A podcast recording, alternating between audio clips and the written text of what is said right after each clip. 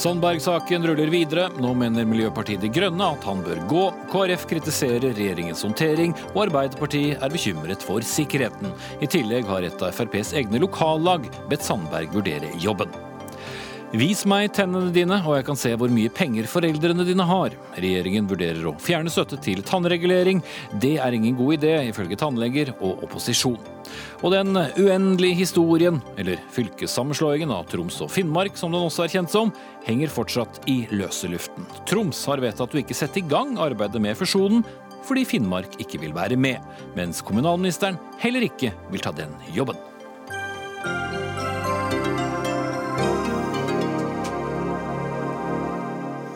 Velkommen til ukens aller siste Dagsnytt 18 med Espen Aas, der vi også skal snakke om den kontroversielle radioverten Alex Jones på ytre høyre fløy i USA, som er fjernet fra plattformene til Facebook, YouTube og Apple. Er det greit i et ytringsfrihetsperspektiv, spør vi. Men så til uh, utvilsomt uh, sommerens store uh, politiske sak.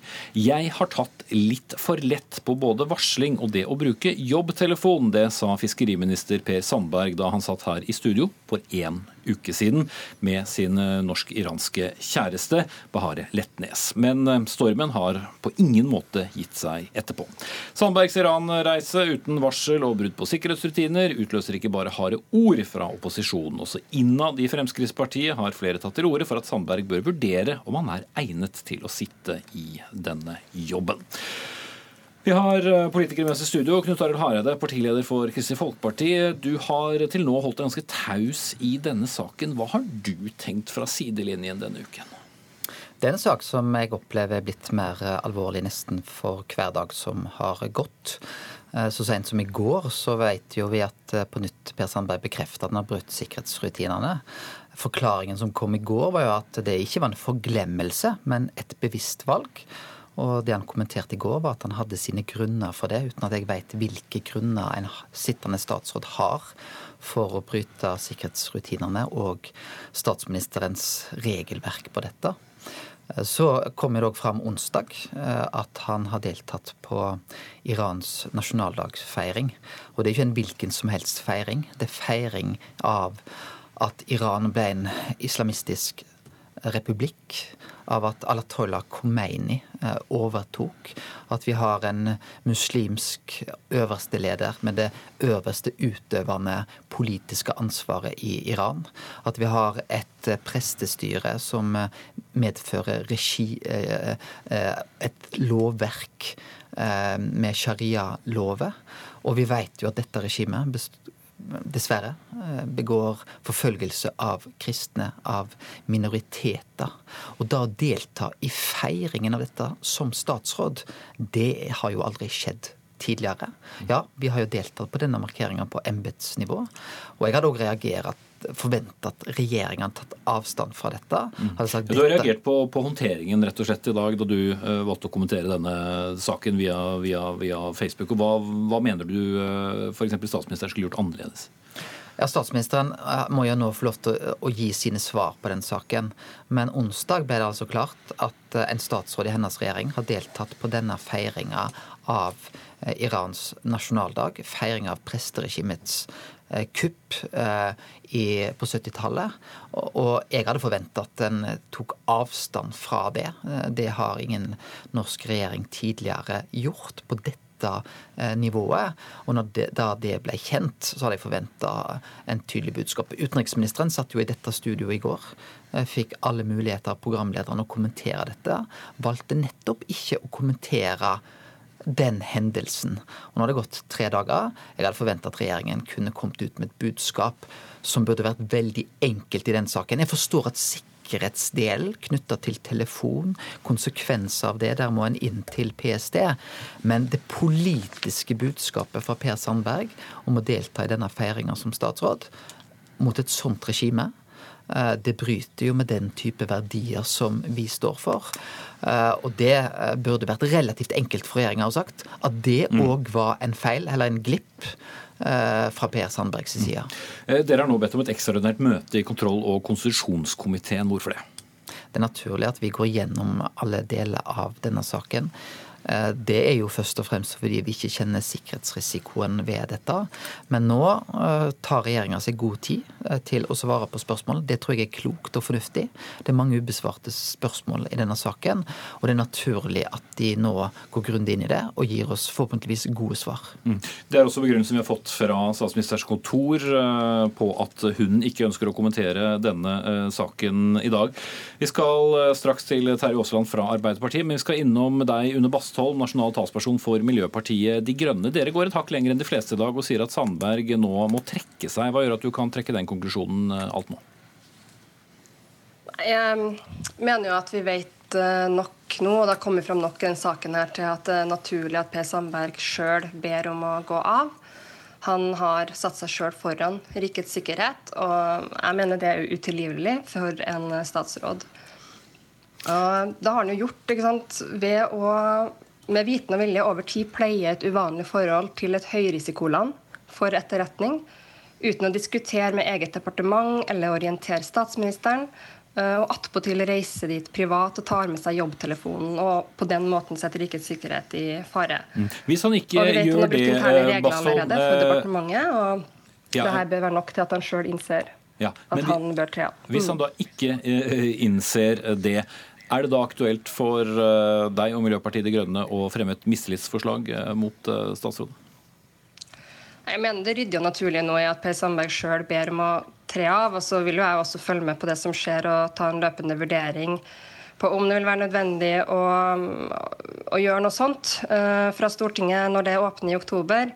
Men jeg syns veldig synd om Stortinget skal drive og bruke tid på sånt i stedet for å drive med politikk. Vi fikk allerede en vår nå før sommeren med mye sånne type personskandaler i politikken. og jeg syns ikke det er verdig. Jeg syns at Per Sandberg sjøl skal ta ansvaret nå for eh, de feilene han har innrømt at han har gjort. Og vise at han ser alvoret i saken og la regjeringa få lov til å fortsette et viktig arbeid på vegne av landet istedenfor å drive med skandalehåndtering. Vi har kommet med mange invitasjoner til eh, Fremskrittspartiet i dag, da, deriblant Sandberg selv og partileder Siv Jensen. Alle har takket nei til å komme. Eh, men eh, Svein Harberg, parlamentarisk nestleder i Høyre, du er med oss. Hvor alvorlig vurderer du disse sikkerhetsbruddene til fiskeriministeren?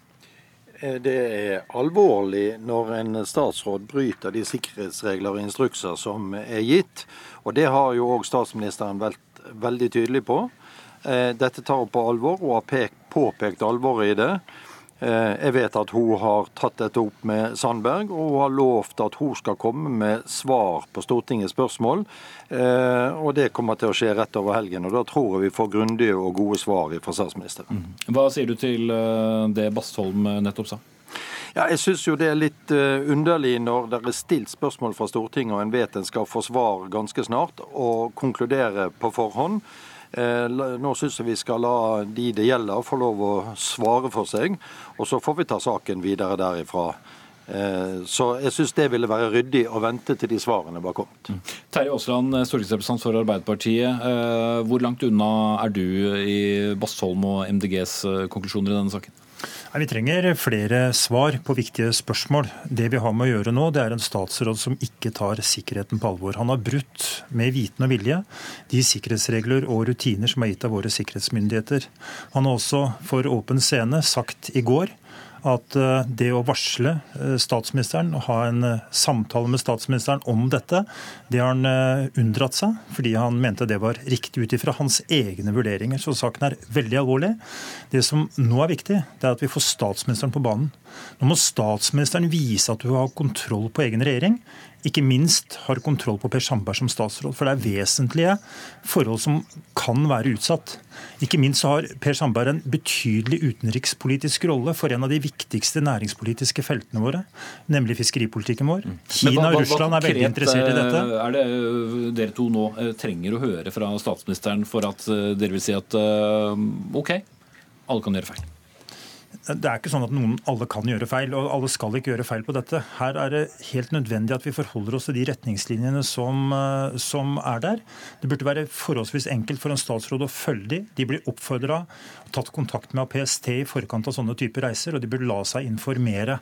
Det er det vi nå forventer. Og jeg forventer nå at statsministeren er tydelig overfor Stortinget, forsikrer oss om at den type hendelser vi har nå sett, utspiller seg for åpen scene i over en uke, at det er historie. Mm. Og det, I så fall så er du fornøyd, hvis hun kan forsikre om at uh... Det kan dukke opp mange flere spørsmål her, som også har av utenrikspolitisk karakter, som ikke minst Hareide er inne på her, og som uh, statsministeren i brev til meg tidligere denne uka forsikra om at uh, norsk politikk overfor Iran ligger fast, men det er jo all grunn til å stille spørsmålstegn ved det, så lenge statsråden Per Sandberg har deltatt på feiringa av Irans nasjonaldag. Hareide, hvor, hvor trygt sitter Sandberg i dine øyne? Jeg tror vi skal avvente de svarene som nå kommer fra regjeringa. Vi har stilt de fordi vi ønsker svar. Eh, og, og jeg hører òg at det blir brukt uttrykk som rikets sikkerhet. Det sitter vi ikke på informasjon eh, som vet noe om i dag. Eh, og den type informasjon og vurderinger må regjeringa få lov til å gi i sine svar til, til Stortinget. Men det er jo en politisk side her. Eh, og Der hadde jeg forventa at regjeringa var tydeligere. Mm. Fordi at nettopp en deltakelse på en nasjonal eh, feiring, det har ikke skjedd på statsrådsnivå tidligere. Det gir et signal når vi kjenner til eh, dette regimet. Og ikke minst når vi vet hvordan Sandberg omtalte dette regimet rett i etterkant av sin reise til Iran, så kommer jo han med uttalelser. Han beklager òg en del av det. Så det er klart, når det gjelder sikkerhetsdelen, jeg mener det skal være lov til å gjøre feil. Men jeg må ta konsekvensen av de feilene en gjør. Og da er det alvorsgraden i de feilene.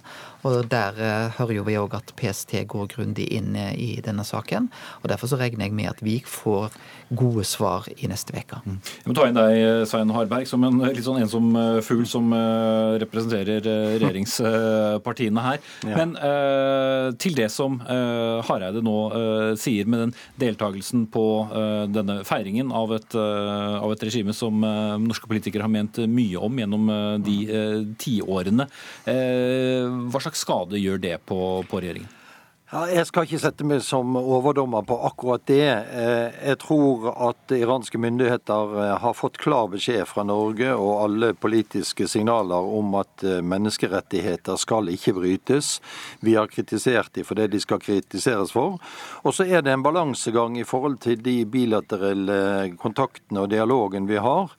Eh, det er jo stadig sånn at vi står overfor eh, invitasjoner til markeringer, jubileer, og så vurderer en om en skal delta eller ikke, fordi at en er gjerne ikke fullt ut eh, enig med de som vi skal være med og markere.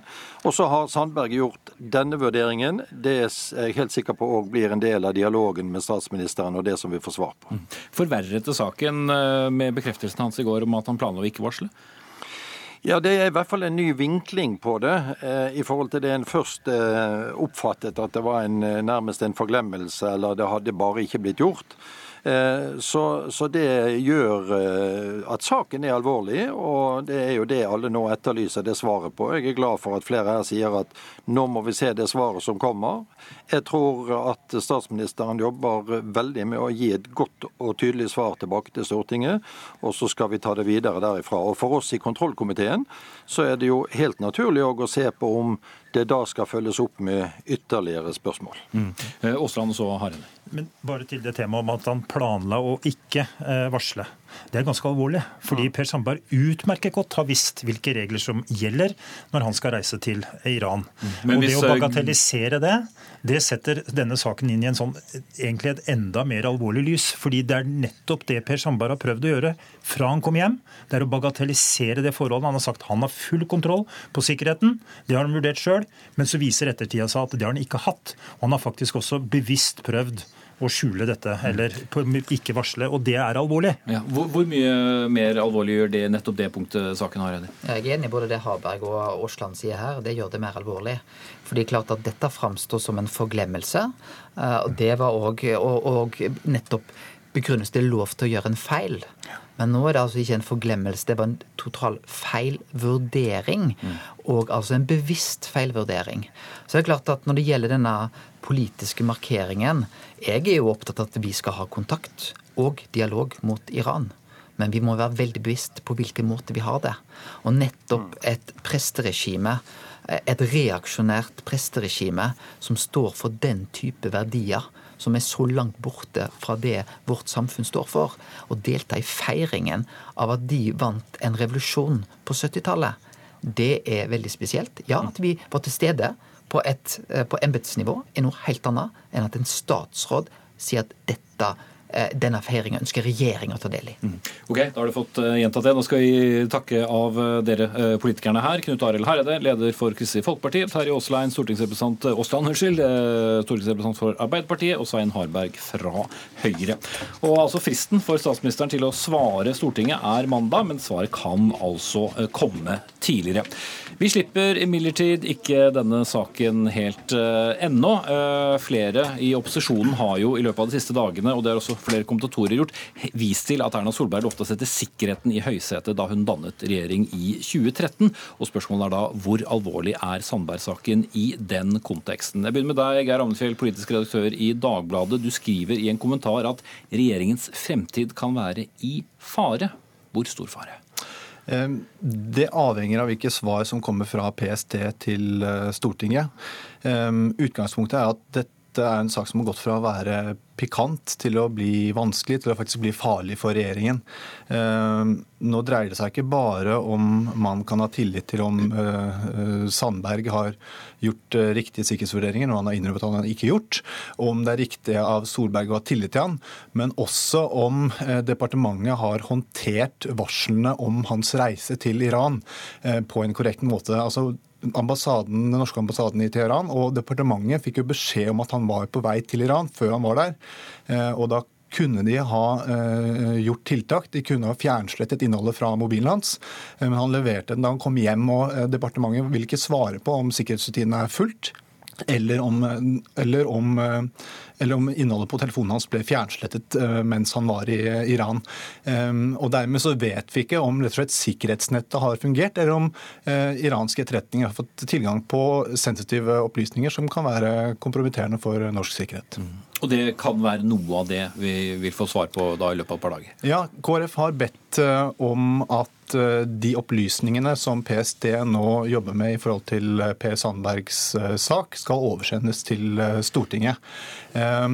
Og Man må også se dette i sammenheng med eh, kontrollkomiteens eh, høring som skal være senere denne måneden om Riksrevisjonens eh, behandling av beredskapssikkerheten i Norge. Hvor de har kommet med en knusende, en knusende vurdering av den. Den kontrollkomitésaken var i utgangspunktet vanskelig for regjeringen. Men den lå nok ikke an til at det skulle true den. Men når denne saken også kobles sammen og faller sammen i tid, så vil det bli, oppstår det en politisk dynamikk som, som forsterker hverandre. Og i, i Politisk kvarter i dag så koblet Støre de to sakene sammen. og Da eh, blir plutselig denne saken vanskelig for regjeringen. Eh, og man, eh, Hvis PST kommer med opplysninger til Stortinget om at beredskapen ved departementet som kunne forhindret at sensitive opplysninger kom i iransk etterretningshender kunne vært forhindret, eh, så har vi en alvorlig situasjon. Hanne Hannes politisk redaktør i VG. Eh, hvordan bruker, eller kan opposisjonen bruke denne saken til å eh, kritisere regjeringen videre? Altså, Ramnefjell var jo innpå det. og Hvis flere da gjør den koblingen som Støre helt riktig gjorde her i Politisk kvarter i morges? Det er klart Dette koker jo til syvende og sist ned til Erna Solberg. Om hun kan ha tillit til eh, Per Sandberg, det kan jeg vanskelig forstå at hun kan. Eh, kjernen er jo nettopp Per Sandbergs reise her. Dette rammer hele regjeringen, ikke bare, Erna, ikke bare Per Sandberg og Erna Solberg. Mm. Fordi, eh, som Ramnefjell også var inne på, dette er ikke lenger en litt sånn pikant sak som har skjedd eh, med en statsråd. Nå ser vi eh, reaksjonene både innad i eget parti, det har vært reaksjoner i stortingsgruppa, det er eh, lokallag. og Det er en vanskelig, veldig vanskelig sak for eh, regjeringen å, å, balansere. Nå mener nok jeg at det å si at den har vært pikant i utgangspunktet er for enkelt. Jeg mener at den var alvorlig allerede fra begynnelsen av. Eh, men vi ser jo at eh, støtten til eh, Per Sandberg smuldrer opp. Han har ikke noe særlig støtte i sitt eget parti. Opposisjonen er sinte. KrF sitter jo med nøkkelen her. De har blitt stadig mer kritiske i sin tilnærming. Det er det interessante. Det er det som kan vippe regjeringas liv den ene eller andre veien her. Men eh, hva skulle Erna Solberg gjort eh, annerledes, da? Eh, hun var raskt ute og si at alle kan gjøre feil. Er det ord som hun må spise i seg eh, kanskje etter mandagen, Ronfjell?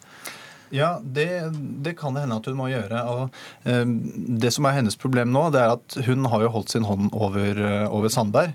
Eh, og Spørsmålet er vel om hun burde kappet båndene til eh, Sandberg før eh, hun risikerte at han trakk henne med ned. Fordi sånn som saken har utviklet seg, så blir den stadig mer alvorlig. Eh, og man må huske på det som står på spill her. altså det er PSTs trusselvurdering rangerer hybrid krigføring som en av de viktigste sikkerhetstruslene som Norge står overfor. Eh, og sentralt i, eh, i det er jo at eh, når utenlandsk etterretning får tilgang på sensitivt materiale, så kan det brukes enten som påvirkning i utpressing mot enkeltpersoner, påvirkning mot valgprosesser. Neste år er det kommunevalg. Så dette er en, og det, en CIA-sjefen for Iran fram til i fjor var intervjuet i Filter nyheter i går.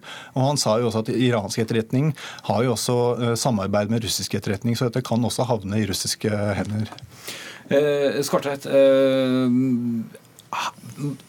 dekningen av den saken har jo vært ganske enorm, særlig siden forrige eh, fredag og intervjuet her i, i Dagsnytt 18. Hvor mye av det skyldes at det er Per Sandberg eh, og Fremskrittspartiet, eller er sakskomplekset i seg selv så alvorlig at det ikke spiller inn? Begge deler. Og det er klart, Per Sandberg har jo bidratt til å eh, skalere denne saken opp dag for dag. Men det er klart sakens innhold, at en statsråd reiser til et land som Iran uten å si fra slik han skal til statsministerens kontor, ha med sin egen telefon, bryte sikkerhetsrutiner, det ville vært alvorlig uansett. Men jeg tror kanskje ikke noen annen statsråd enn Per Sandberg ville gjort det. Og så litt til Erna Solberg, som da hennes første reaksjon alle kan gjøre feil. Dette er jo en måte hun har vanligvis operert på når det gjelder Sylvi Listhaugs eh, ulike utspill, når det gjelder andre typer saker. Men dette er noe annet. Dette er en helt annen karakter. og Derfor tror jeg også at denne saken vil bli mye mer alvorlig, for den vil klebe mer til Erna Solberg enn disse andre sakene har gjort, nettopp fordi det handler om sikkerhet. Mm. Så veldig spennende hva slags uh, svar vi får. Veldig. Takk skal dere ha, Hanne Skartveit, politisk redaktør i VG, og Geir Amnesfjell, politisk redaktør i Dagbladet.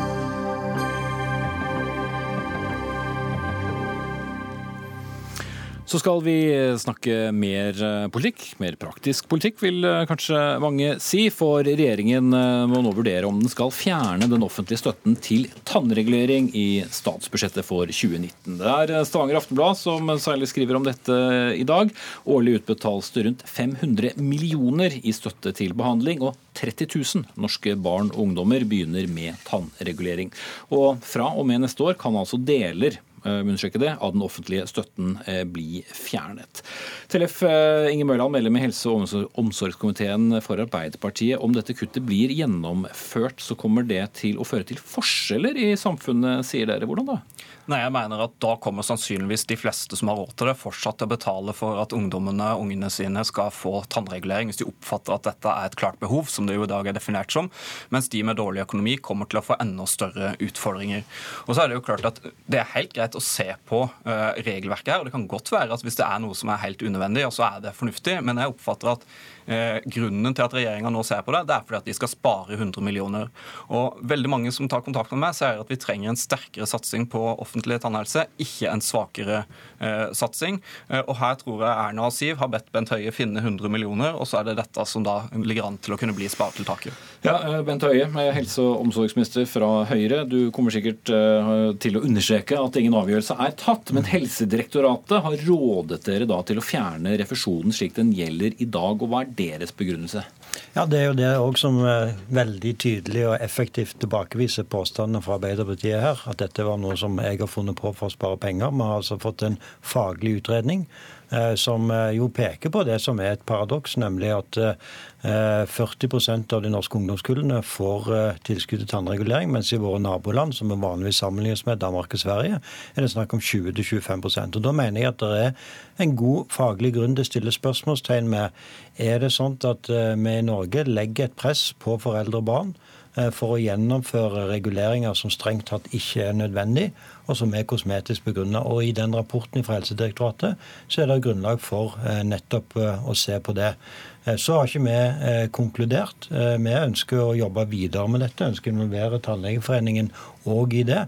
Fordi For meg er det i hvert fall vanskelig å tenke at det at hvis vi i Norge har en støtteordning der vi gir foreldrene ganske lite offentlig støtte for denne type reguleringer, ja, mer alvorlig regulering gir vi jo betydelig mer støtte på, men dette er den laveste klassen. Ja, bare for Også- å forklare også- det kort, så er det jo tre graderinger her, da, og så er det øh, Og innenfor de igjen så er det ulike grupper. Men det som jo er da situasjonen, er at mange foreldre tror jeg kommer på tannlegekontoret og får en klar oppfatning av at den tannregulering som det offentlige støtter, den er nødvendig. Det er de som betaler størstedelen av regningen eh, når eh, reguleringen blir gjennomført. Eh, Og Det er det virkelig grunn til å da vurdere om det er behov for å gjøre noen endringer, sånn at ikke folk opplever et press for unødvendig tannregulering. Mm. Mørland har selvfølgelig lyst til å, å snakke igjen, men Camilla Hansen Steinum, du er president i Den norske tannlegeforeningen. Forklare oss litt hva slags eh, pasienter det da er snakk om. For som jeg prøvde å si i sted, så er det altså tre grupper, og det er den gruppen med skal vi si, lavest eh, behov da, for regulering dette her er snakk om, og, og hva ligger i det? Nei, altså Det er tre graderinger, som du sier. Det er svært stort behov, stort behov og klart behov. Og gruppe C er altså de som har klart behov. Og vi mener, øh, først er det viktig å si at vi er åpne for å se på stønadsordningen. Det har vi bedt om i mange år, så det er en klok beslutning å gjøre det. Det vi har reagert på, er at det nærmest legges fram som om det er bestemt at hele gruppe C skal kuttes, uten at det er gjort noen ordentlige faglige vurderinger av det. Mm. For Men for for, for, for lytterne og, og seerne Ja. så, så lurer jeg de aller mest lurer på hva betyr det å ha et eh, klart behov, og er det da Ja. greit å droppe reguleringen hvis du syns den er for dyr? Nei, vi mener at mange i denne gruppa har eh, et klart behov for regulering. Eh, Det, gruppe C, da, som vi snakker om nå, det er pasienter som har ø, ofte veldig synlige bittfeil, faktisk. Ofte kanskje mer enn de andre gruppene. Som overbitt, underbitt, eller ja, hvordan? Ja. som, som åpe, altså store mellomrom mellom tennene. Kanskje tenner som er rotert. Det, som litt sånn som vi eh, tulla med når vi var små, at tenna var kasta inn i munnen. Altså trangstillinger. Og ting som er veldig synlig. Eh, Så kan man si at, eh, at, at, det, at det er bare estetikk. Jeg tror ikke det. Jeg tror at mange barn med sånne type bittfeil har behov for regulering fordi at det vil være vanskelig å ha et sosialt liv. Og kanskje at det vil spille inn på f.eks. mobbing og liksom psykiske ting. Så det her er en gruppe vi må se på. Jeg er helt sikker på at vi kan gjøre endringer, men jeg, og det å kutte en hel gruppe, det vil ramme mange som har klart behov for regulering. Ja, Høie, ser du at, det også kan være, at du kan, eh, regjeringen i så fall kan være med på å ja, stigmatisere noen hvis Ja, de ikke har eh, råd til være tannregulering? Veldig tydelig at det er helt uaktuelt å kutte ut hele gruppe C. Uh, og Vi ønsker å gå i en dialog med Tannlegeforeningen uh, på dette. Men jeg mener òg det er grunnlag for å stille spørsmål ved om eh, f.eks. det å ha litt mellomrom mellom eh, tennene eh, er noe som vi vil legge et press på foreldrene å bruke eh, eh, betydelige beløp eh, på å endre. Eh, Fordi at I andre sammenhenger så ville de aller fleste foreldrene ikke vært eh, i det hele tatt åpen for å bruke betydelige beløp for å gjøre kosmetiske endringer på barna sine når de ikke har betydning. Så vi regulerer kanskje litt for mange, er det det du Det det som, og det, og det er i hvert fall når vi da ser med våre naboland Jeg tror ikke at når vi er på ferie i Danmark og Sverige at vi tenker at oi, her hadde befolkningen betydelig eh, dårligere eh, tannregulering enn det vi har i, i Norge. Så, så, så jeg tror at eh, vi har en grunn i Norge nå til å stille et spørsmålstegn med, eh, og vi ser det en veldig økning. Eh, Er det for mange som, eh, som rett og slett får en anbefaling om regulering, der foreldrene sitter med størstedelen av regningen, og der staten bidrar med litt, og Eh, dermed bidrar til det presset? Mørland, for å svare høy på det, da. har, du- har, har du sett store forskjeller mellom de andre nordiske landene også når det gjelder Jeg oppfatter jo at det er en del andre nordiske land som kanskje da er bedre på oss til å virkelig støtte opp under de som har de aller største behovene. Og litt av utfordringen blir jo da tilbake til Høie når han sier at han ikke skal spare penger, men at det er for mange som eh, etter hans syn får tannregulering. Kommer han til å bruke de inntil 100 millionene som han sparer på å styrke støtta til de som da har enda større behov?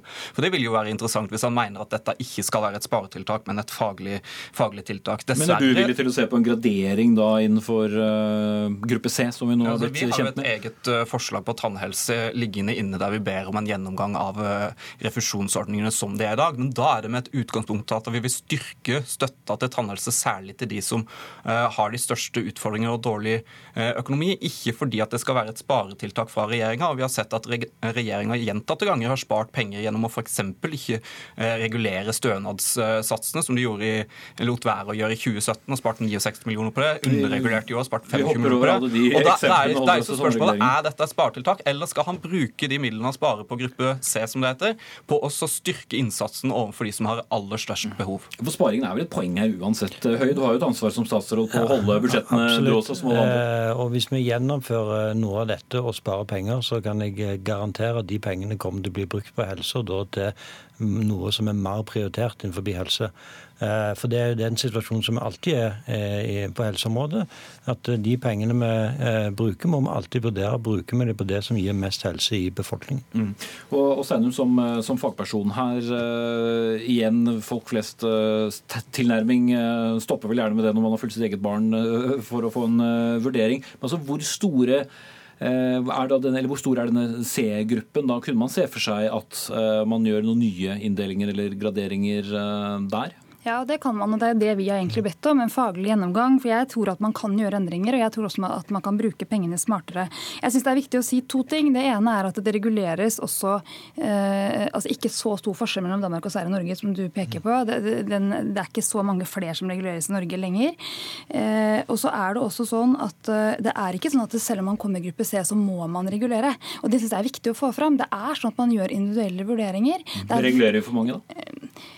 Nei, Det, det, det syns jeg ikke at jeg kan uttale meg om her. Men jeg tror at, uh, at uh, det er viktig å understreke at vi gjør en individuell vurdering med foreldre og barn. Og det er forskjell på barn. Noen syns det er helt greit å gå eh, med noen trangstillinger, og andre syns at det er veldig vanskelig. Og, så den, den, den vurderingen gjøres allerede i dag. Det er mange som blir henvist som ikke får regulering.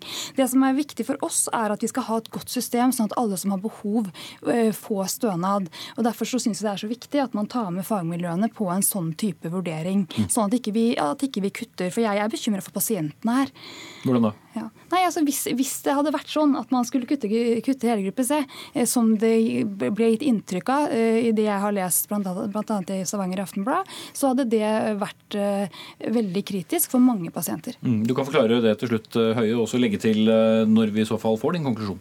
Altså, jeg har en arbeidsplan som gjør at jeg ønsker å se om jeg har muligheten til å trekke noen konklusjoner i budsjettet for 2019. Eh, Men vi har heller ikke bestemt det ennå. Dette er en vurdering som vi nå gjør. og eh, Over helgen så kommer det komme òg et eh, oppdrag og invitasjon til, til, til fagmiljøet her for å være med på disse, disse vurderingene. Men bare for å eh, spesifisere det, er det snakk om hele gruppe C eller deler? Det er helt eh, uaktuelt, og det ligger heller ikke i anbefalingene fra Helsedirektoratet. Mm.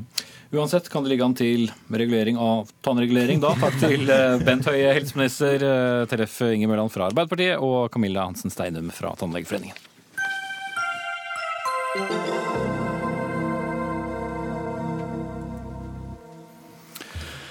Jeg eh, omtalte den eh, delvis eh, på starten av sendingen som den uendelige historien, men det er en veldig alvorlig historie med veldig mye følelser i spill. For det handler om sammenslåingen av våre to nordligste fylker, Troms og Finnmark. For Troms fylkesting vedtok i dag at de ikke vil starte arbeidet med sammenslåingen av de to fylkene, så lenge Finnmark ikke vil delta i det samme arbeidet. Samtidig så har kommunal- og moderniseringsminister Monica Mæland i en pressemelding i dag meddelt at hun ikke tar over det arbeidet eh, i denne fellesnemnda slik som Troms har bedt om, men i stedet vil invitere til et felles møte mellom de to fylkeskommunene. Willy Ørnbakk, fylkesrådsleder i Troms eh, fra Arbeiderpartiet. Flertallet sa altså i dag nei til eh, dette. Hva var begrunnelsen? Begrunnelsen er enkel. Det er eh, situasjonen at Finnmark har sagt eh, nei til å oppnevne folk i fellesnemnda, og det er i ettertid av det som skjedde da i juni, eh, slik at eh, flere av partiene i eh, fylkestinget i Troms også har varsla at de vil motsette seg å delta i et arbeid hvor eh, den ene parten ikke stiller ved bordet. Eh, Og På den bakgrunn så hadde vi en ekstraordinær fylkestingssamling i dag. og eh, Jeg er veldig glad for at eh, det nå er konstatert at fylkestinget vårt stiller seg bak de vurderingene som fylkesrådet gjorde. Vi må få en annen vei videre. Denne løsninga som man har valgt i fylkene sørover, med fellesnemnd som har representanter fra begge fylkene, og som gjør et arbeid med å forberede den nye organisasjonen, det kommer ikke til å fungere her oppe hos oss så lenge den ene parten ikke vil være med. og Da, Nei. Da, da må vi involvere eh, statsråden. Ja, og Statsråden sier altså at hun og departementet ikke kommer til å ta over dette arbeidet som da dere skulle ha gjort, men inviterer altså i stedet til et møte. Hva, hva tenker du kan komme ut av det?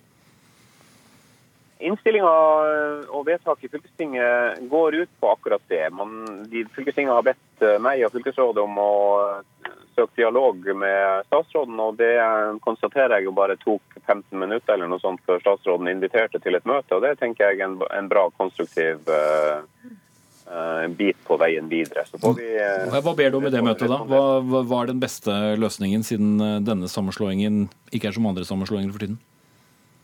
Ja, det vi, vi har uh, drøfta i dag, det er jo uh, at uh, det er uh, ikke lenger tidsmessig mulig å gjøre en full uh, organisasjonsbygging slik som de andre fylkene lenger sør holder på med. Det har vi ikke tid til lenger. sånn at det er en del minimumsting som vi er nødt til å få på plass for at den nye organisasjonen i alle fall Eh, på papiret skal være på beina, og at man kan gjennomføre et valg med valgnemnd og, ordninger eh, om et års tid og sånne ting som det. Og så, så, må det nok bli ganske mange av de praktiske tingene på eh, bygging av den nye organisasjonen som må vente til det nye fylkestinget kommer på jobb om et og et halvt år. Ja. Da sier vi takk til deg, Willy Jørnbakk, fylkesrådsleder i Troms. Eh, vi skal innom nå bare de rent juridiske aspektene ved denne sammenslåingen. Og Eivind Smith, professor i rettsvitenskap ved Universitetet i Oslo, du har sittet sammen med meg her i studio og fortalt at Stortinget må behandle hele denne sammenslåingen på nytt. Og Minn oss så kort og enkelt du kan på hvorfor det. Ja, utgangspunktet er svært enkelt. At eh, det aldri er truffet et lovlig vedtak om sammenslutning av Troms og Finnmark. Eh, jeg ser at statsråden i dag sier at det er Finnmarks ansvar å bringe saken videre. Men sånn å si er det vel hennes ansvar, tror jeg, å sørge for å få et stortingsvedtak som bygger på loven. For et sånt vedtak foreligger ikke i dag. Det var den korte versjonen av dette. Ja, og det, det sa du også i Dagsnytt 18-studio her. Har gjentatt uh, senere, uten at det for så vidt har endret noe som helst i så henseende. Hva syns du om det? Nei, altså Jeg har jo registrert at departementet ikke forholder seg til det jeg sier. Og, og det er ikke helt uvanlig. Men og det, det understreker naturligvis sier at dette er, liksom, dette er den juridiske siden av saken, og det er det jo. Det er den siden jeg kan uh, dra. Men jeg understreker at dette har jo veldig sterke og ganske dramatiske politiske sider. Uh, hele saken har kommet veldig skjevt ut, og det tror jeg er en ulykke for, for stemningen i, i, nord og til dels i hele, i hele konge riket når det gjelder denne, denne reformen. Og Bakgrunnen for det er rett og slett at Stortinget, altså regjeringen, foreslo eh, en helt korrekt fremgangsmåte. Stortingsflertallet valgte å kuppe saksbehandlingen og har på den måten uh, hovedansvaret for at vi er såpass ille ute som vi er i dag. Mm. Takk skal du ha, Eivind Smith. Vi skal nå gå over til politikken. Mari Holm Lønseth, eh, du er stortingsrepresentant og medlem av kommunal- og forvaltningskomiteen for Høyre. For statsråden selv var på ferie og kunne ikke delta. Bare ta kort det som Smith eh, sier her. Er det greit å leve med? At uh, man hopper over Stortinget? Jeg er uenig med ham i at det er fatta et ulovlig vedtak. Jeg mener at det vedtaket vi har fatta om Vi har til og med to runder fatta vedtak om å slå sammen eller endre fylkesstruktur. De mener at det er både godt utreda over flere år, både gjennom 2015, 2016 og to ganger i 2017. Så ble det fatta enda et vedtak etter stortingsvalget. Så jeg er rett og slett uenig i at det er fatta et ulovlig vedtak. Jeg mener at det står seg godt. Mm. Karin Andersen, leder av kommunal- og forvaltningskomiteen for eh, SV. Hva sier du? Nei, dette tvangsvedtaket er både ulovlig og uklokt. Og det burde gjøres om, og det kommer vi til å fremme forslag om igjen. Jeg syns eh, regjeringa og stortingsflertallet tar veldig lett på det som eh, Eivind Smith sier om ulovlighet, men det koker jo ned til en politisk hestehandel, dette her. Over huet på dem det gjelder. For her er det jo sånn at både fylkestinget har sagt nei, befolkningen har sagt nei. Egentlig så er det vel ingen av partiene på Stortinget heller som syns at dette er noen god idé. Det ble i hvert fall sagt eh, både skrevet i innstillingen og sagt under debatten. Så det er forferdelig at regjeringa lar det gå slik prestisje i saken. Og når, når det, det ble så klart at dette var imot eh, særlig Finnmark, da, og jeg syns eh, Tromsø gjør klokt i å ikke dure på alene så var det jo til og med så ille at ministeren gikk ut med en slags sånn straffereaksjon. Da, nei, da skulle ikke Finnmark få lov til å bli representert like mye i den fellesnemnda osv. Så, videre. så jeg må si det er så uklok politisk håndtering. Og her, det er altså ingen skam å snu. Dette Verda kommer til å stå om dette vedtaket blir oppheva.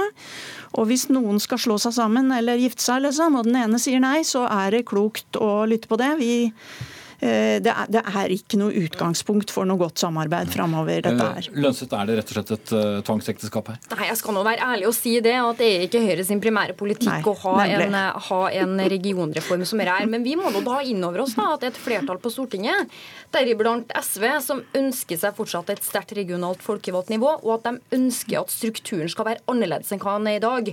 Og Grunnen til at man ønsker det, er at for at man skal klare å ta på seg flere oppgaver. Jeg kan jo bare registrere det at SV satt nå med rent rent flertall i Stortinget i åtte år, og så en regionreform koke bort i kålen. Nå er det sånn at vi har kommet godt på vei med den regionreformen vi nå er i gang i. Vi skal også begynne å se på hvilke Det ser jo ikke så godt på vei ut akkurat når det gjelder de nordligste fylkene, da? Nei, men der må man jo også se hvordan man kommer seg videre. Jeg blir veldig glad når jeg hører at Troms eh, ser positivt på det møtet som kommer. Men der har man jo også det faktum at departementet har jo heller ikke lovhjemmel i dag til å gripe inn på den måten som Troms eh, ber om. Og da syns jeg også det er klokt at man går tilbake, ber om et møte, og det håper jeg at det kan komme mye godt ut av. Nettopp fordi at det også har mye å si for de nordligste fylkene våre. At man klarer å få en regional struktur som gjør at man kan skape flere jobber og bidra til enda bedre tjenesteutvikling. Men nå, men nå kom jo, katta kommer jo ut av sekken her. altså Dette er en regjering som egentlig har villet lagt ned hele nivået og hva som eh, Kristelig Folkeparti har fått for å være med på denne elendige dealen, vet jeg ikke, men noe må det jo være. For dette er jo ikke noen styrking av fylkesnivået. Tvert imot. Her ommøblerer man også norgeskartet for ingenting. Det foreligger ingen nye oppgaver. Tvert imot har regjeringa foreslått å fjerne tunge, viktige oppgaver som fylkeskommunene gjør i dag.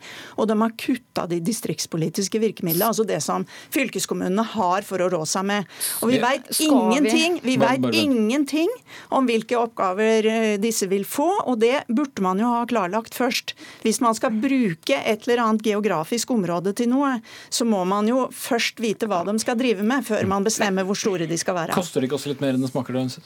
Nei, det her kommer jo til å føre til at folk og innbyggere over hele landet kommer til å få bedre tjenester, og at man blir satt i bedre stand til å gå, drive god eh, næringsutvikling. Jo, absolutt. Altså det, det vil det kun, vi ser jo særlig utfordringene i Finnmark. Da man lavere sysselsettingsandel enn resten av landet, og f.eks. høyere frafall i videregående. Det er en alvorlig situasjon. som vi Vet også ikke sitt eget beste da med den protesten de har kommet med? Jo, men jeg mener jo også at da må man kunne eh, også lytte til det vedtaket som Stortinget har fått da i to, to runder, som også skal bidra til at man får en bedre utvikling. Jeg hører det at Andersen sier at man gjerne skulle ha fordelt oppgavene først, men vi prøvde vel det forrige gang, da SV også prøvde seg på en regionreform. Og den gikk jo ærlig talt eh, rett i, rett i vasken. Nå men, men det, i utgangspunktet her nå skulle jo dette være en, en lokaldemokratireform. Mm. Og da er det veldig rart å ikke lytte til lokaldemokratiet. Og her har det jo til og med vært folkeavstemninger. Og helt riktig, Finnmark har egne utfordringer som er annerledes enn resten av landet. Nettopp derfor burde man lytte til dem. For det de sier at de trenger å være en egen enhet for å ivareta sine behov på en god måte. Mm. Og, det, og det, er, det, er, hele utgangspunktet her. Og så får de nå beskjed igjen fra Holm Lønseth om at nei, dere skal lytte på oss som sitter i Oslo, for vi veit bedre enn dette. Dette er kjernen i problemet i denne reformen. Men, det er en tvangsreform. Ok, men La oss nå bare tenke oss tilfellet at uh, utfallet møtet blir at ok, la oss gjøre det tilbake til Stortinget. Men hvis fortsatt stortingsflertallet med, med regjeringen og, og KrF er som den er, uh, hva ville vi fått ut av, av enda en uh, debatt? Vi vet jo på en måte hvordan stillingen står i nord. Ja, men man, håpe, skal... man, må jo håpe at det er mulig å ta inn over seg det som nå har skjedd, både i Finnmark og i, fylkes, i fylkestinget i Troms. Og at her sier jo helt riktig, statsråden har ikke noen hjemler til å gripe inn her.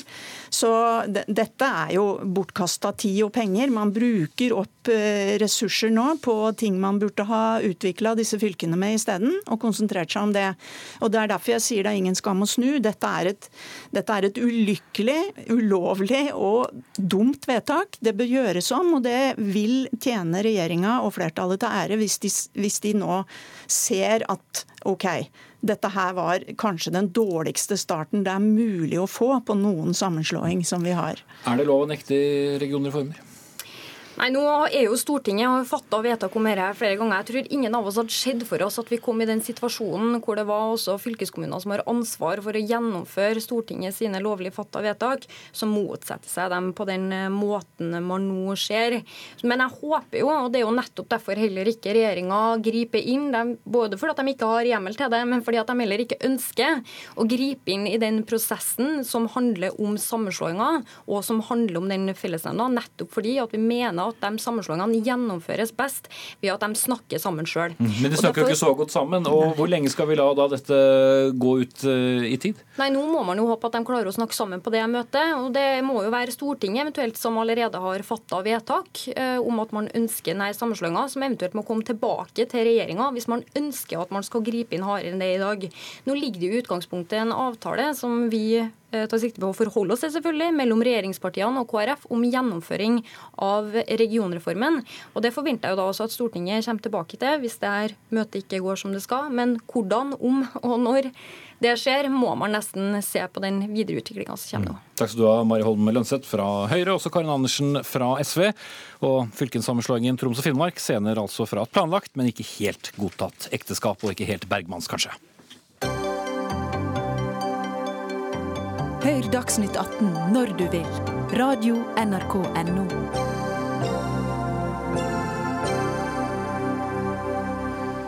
Nå skal vi snakke om eh, norsk eh, økonomi og viktige tall som har kommet i dag for bensin, strøm og mat. Prisene for varer eh, nordmenn kjøper mye, er i snitt blitt 3% dyrere det siste året. Det viste konsumprisindeksen til Statistisk sentralbyrå, som kom i morges.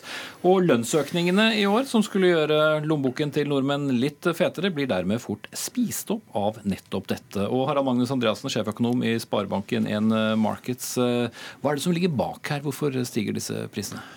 Ja, Den viktigste grunnen til at vi har hatt et hopp i prisveksten de siste månedene, er at strømprisen har steget. Og jeg tror ikke vi bør gå så langt for å finne grunnen til det. Det er selvsagt eh, tørken og, høye, og lite vann i magasinene og høye strømpriser. Eh, det er trolig forbigående. Vi får nå se hvor lenge det varer.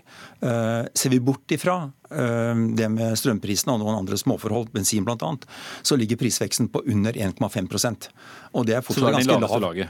Ja, den er i hvert fall noe under eh, det målet som Norges Bank har på lang sikt. Den er ikke langt under, i og for seg, men den er under. Men de tallene vi ser, altså Norges Bank styrer jo da etter et inflasjonsmål, og det har vi snakket mye om i tidligere tider, men så har norsk økonomi befunnet seg på et litt annet uh, nivå nå de siste uh, årene, som har hørt at vi ikke har hørt så mye om det, nettopp fordi renten har blitt stående på stedet hvil. Indikerer dette noe uh, i retning av at uh, Norges Bank uh, endrer sine langtidsutsikter for norsk rente? Nei, det tror jeg overhodet ikke. Vi vet at strømpriser går opp, og de pleier å gå ned. Bensinpriser går opp og ned. Og slike midlertidige forhold ikke, vil ikke normalt ikke påvirke synet på hva inflasjonen er om to og tre år frem. Og det vil ikke være tilfellet i dag heller underliggende, når vi ser bort fra de tingene som svinger mye, så er inflasjonen litt under prismålet. Den er trolig litt på vei oppover. Norges Bank tror den kommer til å stige videre. Men det er såpass nært inntil prismålet at Norges Bank ser på mange andre ting også når renten settes. Og da tenker de på hvordan hele økonomien har det, hva som skjer i boligmarkedet, hva som skjer med kredittveksten, med arbeidsledigheten, og gjør en samlet vurdering. Og den tilsier nå at økonomien er i så bra stand og så bra driv at vi ikke lenger trenger å ha en rekordlav rente. Nei, og for å minne seere og lyttere om det, hvor eh, langt frem i tid eh, bør vi da eh, se for oss en renteendring? Det skal fryktelig mye til nå at ikke Norges Bank hever renten i september. Det blir da med et kvart prosentpoeng. Ehm, det er ikke noen stor økning. Norges Bank har sagt at de planlegger et par renteøkninger til av samme størrelse i 2019. Og tilsvarende i 2020. Mm. Det er en plan de har i dag, men det er klart det kan godt bli noe annet også. Det kan gå dårligere i norsk økonomi internasjonalt. Det vil føre til at det ikke blir så mye. Jeg tror kanskje mest at usikkerheten er på oppsiden fordi at rentenivået utgangspunktet er svært lavt, og fordi det som jeg sier, er et ganske godt driv i norsk økonomi, og arbeidsledigheten faller raskt. Mm. Eh, rekordlav rente i veldig lang tid, noe som har vennet eh, nordmenn ja. til eh, å ikke mm, få så store overraskelser eh, på den siden. Men så har vi da Vi kan se for oss en stigning der som gjør at folk må bruke mer penger på bolig. Så har vi litt dyrere mat, og i øyeblikket det som kan se som veldig uh, mye høyere elektrisitetspriser. Er det litt uh, sånn stram livrem for uh, Kari og Ola Nordmann? Ja, Nå får vi se hvor lenge strømprisene forblir høye. Det som har skjedd så langt, det innebærer en, en økning i prisnivå på ca. 1 enhet, altså et prosent høyere priser. Og Det er klart det merkes jo litt i lommebøkene at det har skjedd. En renteøkning vil slå selvfølgelig veldig forskjellig ut avhengig av hvor mye lån du har. Eh, for en normalhusholdning, gjennomsnittshusholdning, så vil det være noe i samme størrelsesorden eller litt mer enn det. Mm. Men det er viktig å være klar over her at for rentenes vedkommende så kommer vi fra en situasjon som du sier har vært veldig spesiell. Rentenivået har vært lavt i landene rundt oss fordi at de har vært gjennom en ganske dyp økonomisk krise. Den er i ferd med å gå over. Arbeidsledigheten i rike land er nå samlet sett den laveste siden 1980. Og det går veldig godt i internasjonal økonomi, egentlig. Og Derfor har mange land begynt å sette opp rentene. Og alt i alt har jeg nok en mistanke om at norske renter har vært, og fortsatt er, i laveste laget. Mm. Og Så som du sier, folk, folk har vent seg til at ikke rentene kan stige. Men det er ingen tvil om at det lave rentenivået vi har, er en utfordring for oss. For det gjør at for mange vil låne penger for å bruke dem på ting som egentlig gir dårlig avkastning. Og det er ikke smart bruk av penger på lang sikt. Kan være spennende i tider i vente for noen med høye lån i alle fall. Takk skal du ha, Harald Magnus Andreasson, Andreassen, sjeføkonom i Sparebank1 Markets. Hei.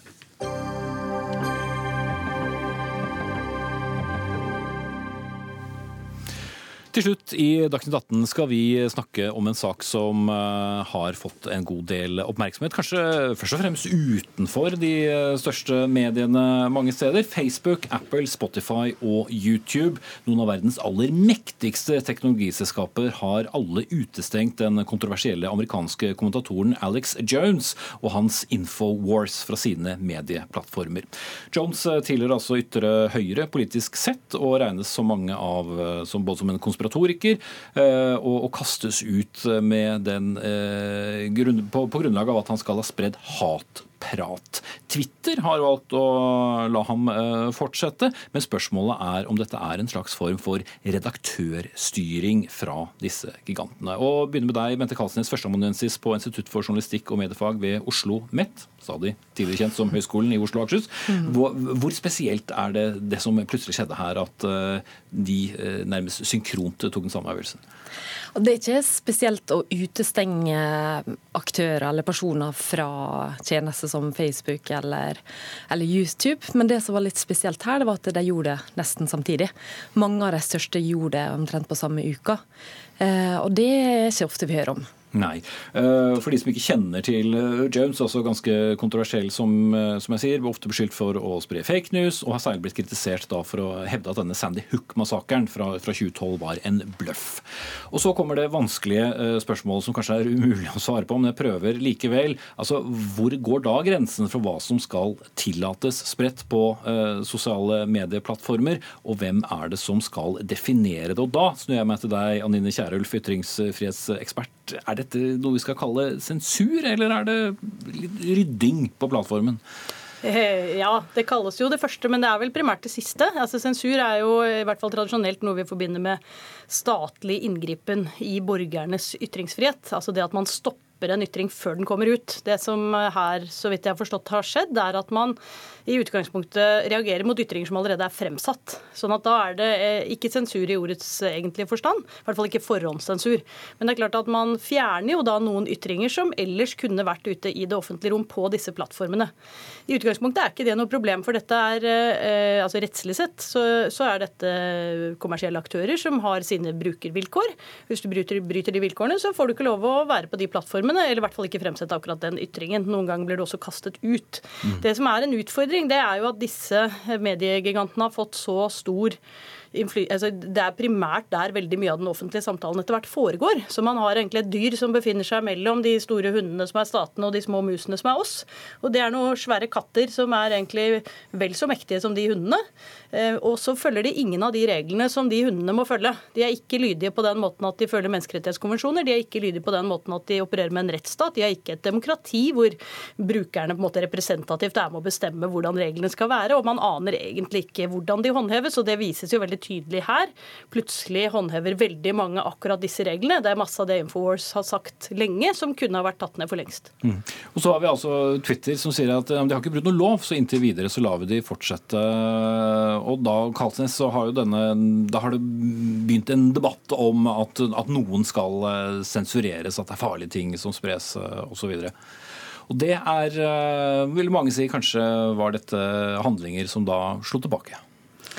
Ja, altså det som er litt spesielt eh, her, det er nå eh, at det, det, handler så koordinert. Men um, i stedet for å si at dette her er um, sensur, så kan vi også si at det, det først og fremst eh, begrenser oppmerksomhet. Fordi eh, Infowars og andre lignende type nettsted de publiserer fremdeles på sine egne plattformer. De har veldig stor pågang på appene sine. De ytrer seg i veldig stor grad. Men fordi at offentligheten blir strukturert gjennom i, i veldig stor grad, da, blir strukturert gjennom plattformer som YouTube, som som eh, Facebook, som Twitter, så er de med på å begrense, eh, på å begrense oppmerksomheten rundt disse ytringene. Og så har da Twitter valgt å gå en litt annen vei, eh, og blir bejubla og får masse, masse kritikk for det. Men den saka her kommer også opp i kjølvannet av valget i 2016 all den diskusjonen som har vært om falske nyheter og desinformasjon som har vært spredt massivt på, på, på Facebook og eh, presset om å gjøre noe med det. Presset om å begrense det og prøve å redusere den spredninga av konspirasjonsteorier og løgner. Mm. De har på en måte malt seg litt opp i et hjørne her. ikke sant? For de har jo lenge så hevdet jo en del av disse plattformene at de bare var nøytrale innholdsleverandører som ikke drev med moderering av innhold på den måten. Og så ble det jo tydeligere etter hvert at de gjorde det. Når de håndhever disse brukervilkårene sine, så er det en moderering av innhold, og som innebærer egentlig eh, skjønnsmessige vurderinger som kan være ganske vanskelige. Ikke så lett å overleve overlate til algoritmer, ikke så lett å overlate til utrente moderatorer heller. Det er ganske vanskelig vurderinger som skal til om noe på en måte faller innenfor eller utenfor. Det så vi jo med denne eh, Vietnam, eh, Vietnam, eh, dette bildet av denne piken fra Vietnamkrigen som det var debatt om. Det, det, det, viser jo noe av den samme problemstillingen. Nakenhet er forbudt, så er plutselig det forbudt. Men var det meningen? Nei, det var jo ikke det. Eh, sånn og Det blir vel da veldig spennende eh, spørsmål eh, hvis vi skal se på prinsippene. fordi du ser jo da med Infowars, og for så vidt det helt andre eksempelet ditt med, med bildet av den nakne Vietnam-jenta, at de har utrolig makt til å definere hva som er bra og ikke bra. Og da er jo spørsmålet om de likevel inntar en slags redaktørrolle i, på et medium som i utgangspunktet da slett ikke er redaktørstyrt? Kalsnes? Ja, eh, altså De selskapene har sagt egentlig helt fra starten nei, de vil ikke ha det ansvaret. De vil være plattform, en nøytral plattform der folk kan publisere og distribuere innhold. Men helt fra starten, akkurat som Anine Kjerulf sier, at de har drevet moderasjon. Eh, det er masse type innhold som ikke har blitt publisert, som blitt fjerna. Eh, så etter hvert så eh, blir det tydeligere og tydeligere at de de har et redaktøransvar, og de tar det. Eh, og så da blir da spørsmålet hvordan håndterer de ansvaret. Og dette her er utrolig vanskelige spørsmål. Eh, og alt tyder på at de teknologiselskapene har ikke løst disse her vanskelige oppgavene, og de trenger hjelp fra andre enn teknologer. De trenger også hjelp fra eh, humanister, fra samfunnsvitere, fra psykologer, for å kunne klare å håndtere den digitale offentligheten. Alt kunne ikke løses med artificial intelligence. Det var, men det, det viser jo egentlig veldig tydelig det. Og så ser man jo også her er man Tanken er jo for så vidt god, da, på den måten vi skal ikke bidra til at man sprer falske nyheter, ærkrenkelser, forferdelige undergravelser av foreldre som har mistet barna sine osv. Og så, eh, så har man egentlig ikke noen god måte å håndtere det på. Eh, for det som skjer nå, det er jo i forlengelsen av denne boikotten fra disse selskapene, er jo at eh, den appen er blitt lastet ned 100 ganger mer enn den har blitt noen gang. Så den blir kjempepopulær. Og det er jo, holdt jeg på å si, Man kan jo av og til tenke at ytringsfrihetsteori blir vel teoretisk ikke sant? Du må slippe alle ytringer frem, og så blir det meningsbrytning, og det er den beste måten også, men så funker ikke det, for folk gidder ikke å ta til motmæle osv. Men her ser man jo egentlig én effekt av et forbud som er ganske tydelig. Det er at da blir interessen plutselig mye større. Mm. Og, og, det er jo helt motsatt av det man egentlig ønsket seg med en sånn no platforming-type tenkning, da. Mm. Veldig spennende, og um, kanskje kunne man sammenlignet med som om Telenor eller Get eller noen av de store eh, leverandørene av TV her i landet ville valgt å fjerne en kanal fordi de ikke likte eh, innholdet, selv om her er jo selvfølgelig omfanget større eh, og ikke minst internasjonalt. Men det blir spennende å se om selvfølgelig han blir tillatt å komme tilbake. Vi må sette strek der. Takk til Anine Kierulf og Bente Kalsnes, ansvarlig for denne sendingen Anne Katrine Førli, teknisk ansvarlig Svein Nybakk, her i studio Espen Aas. News.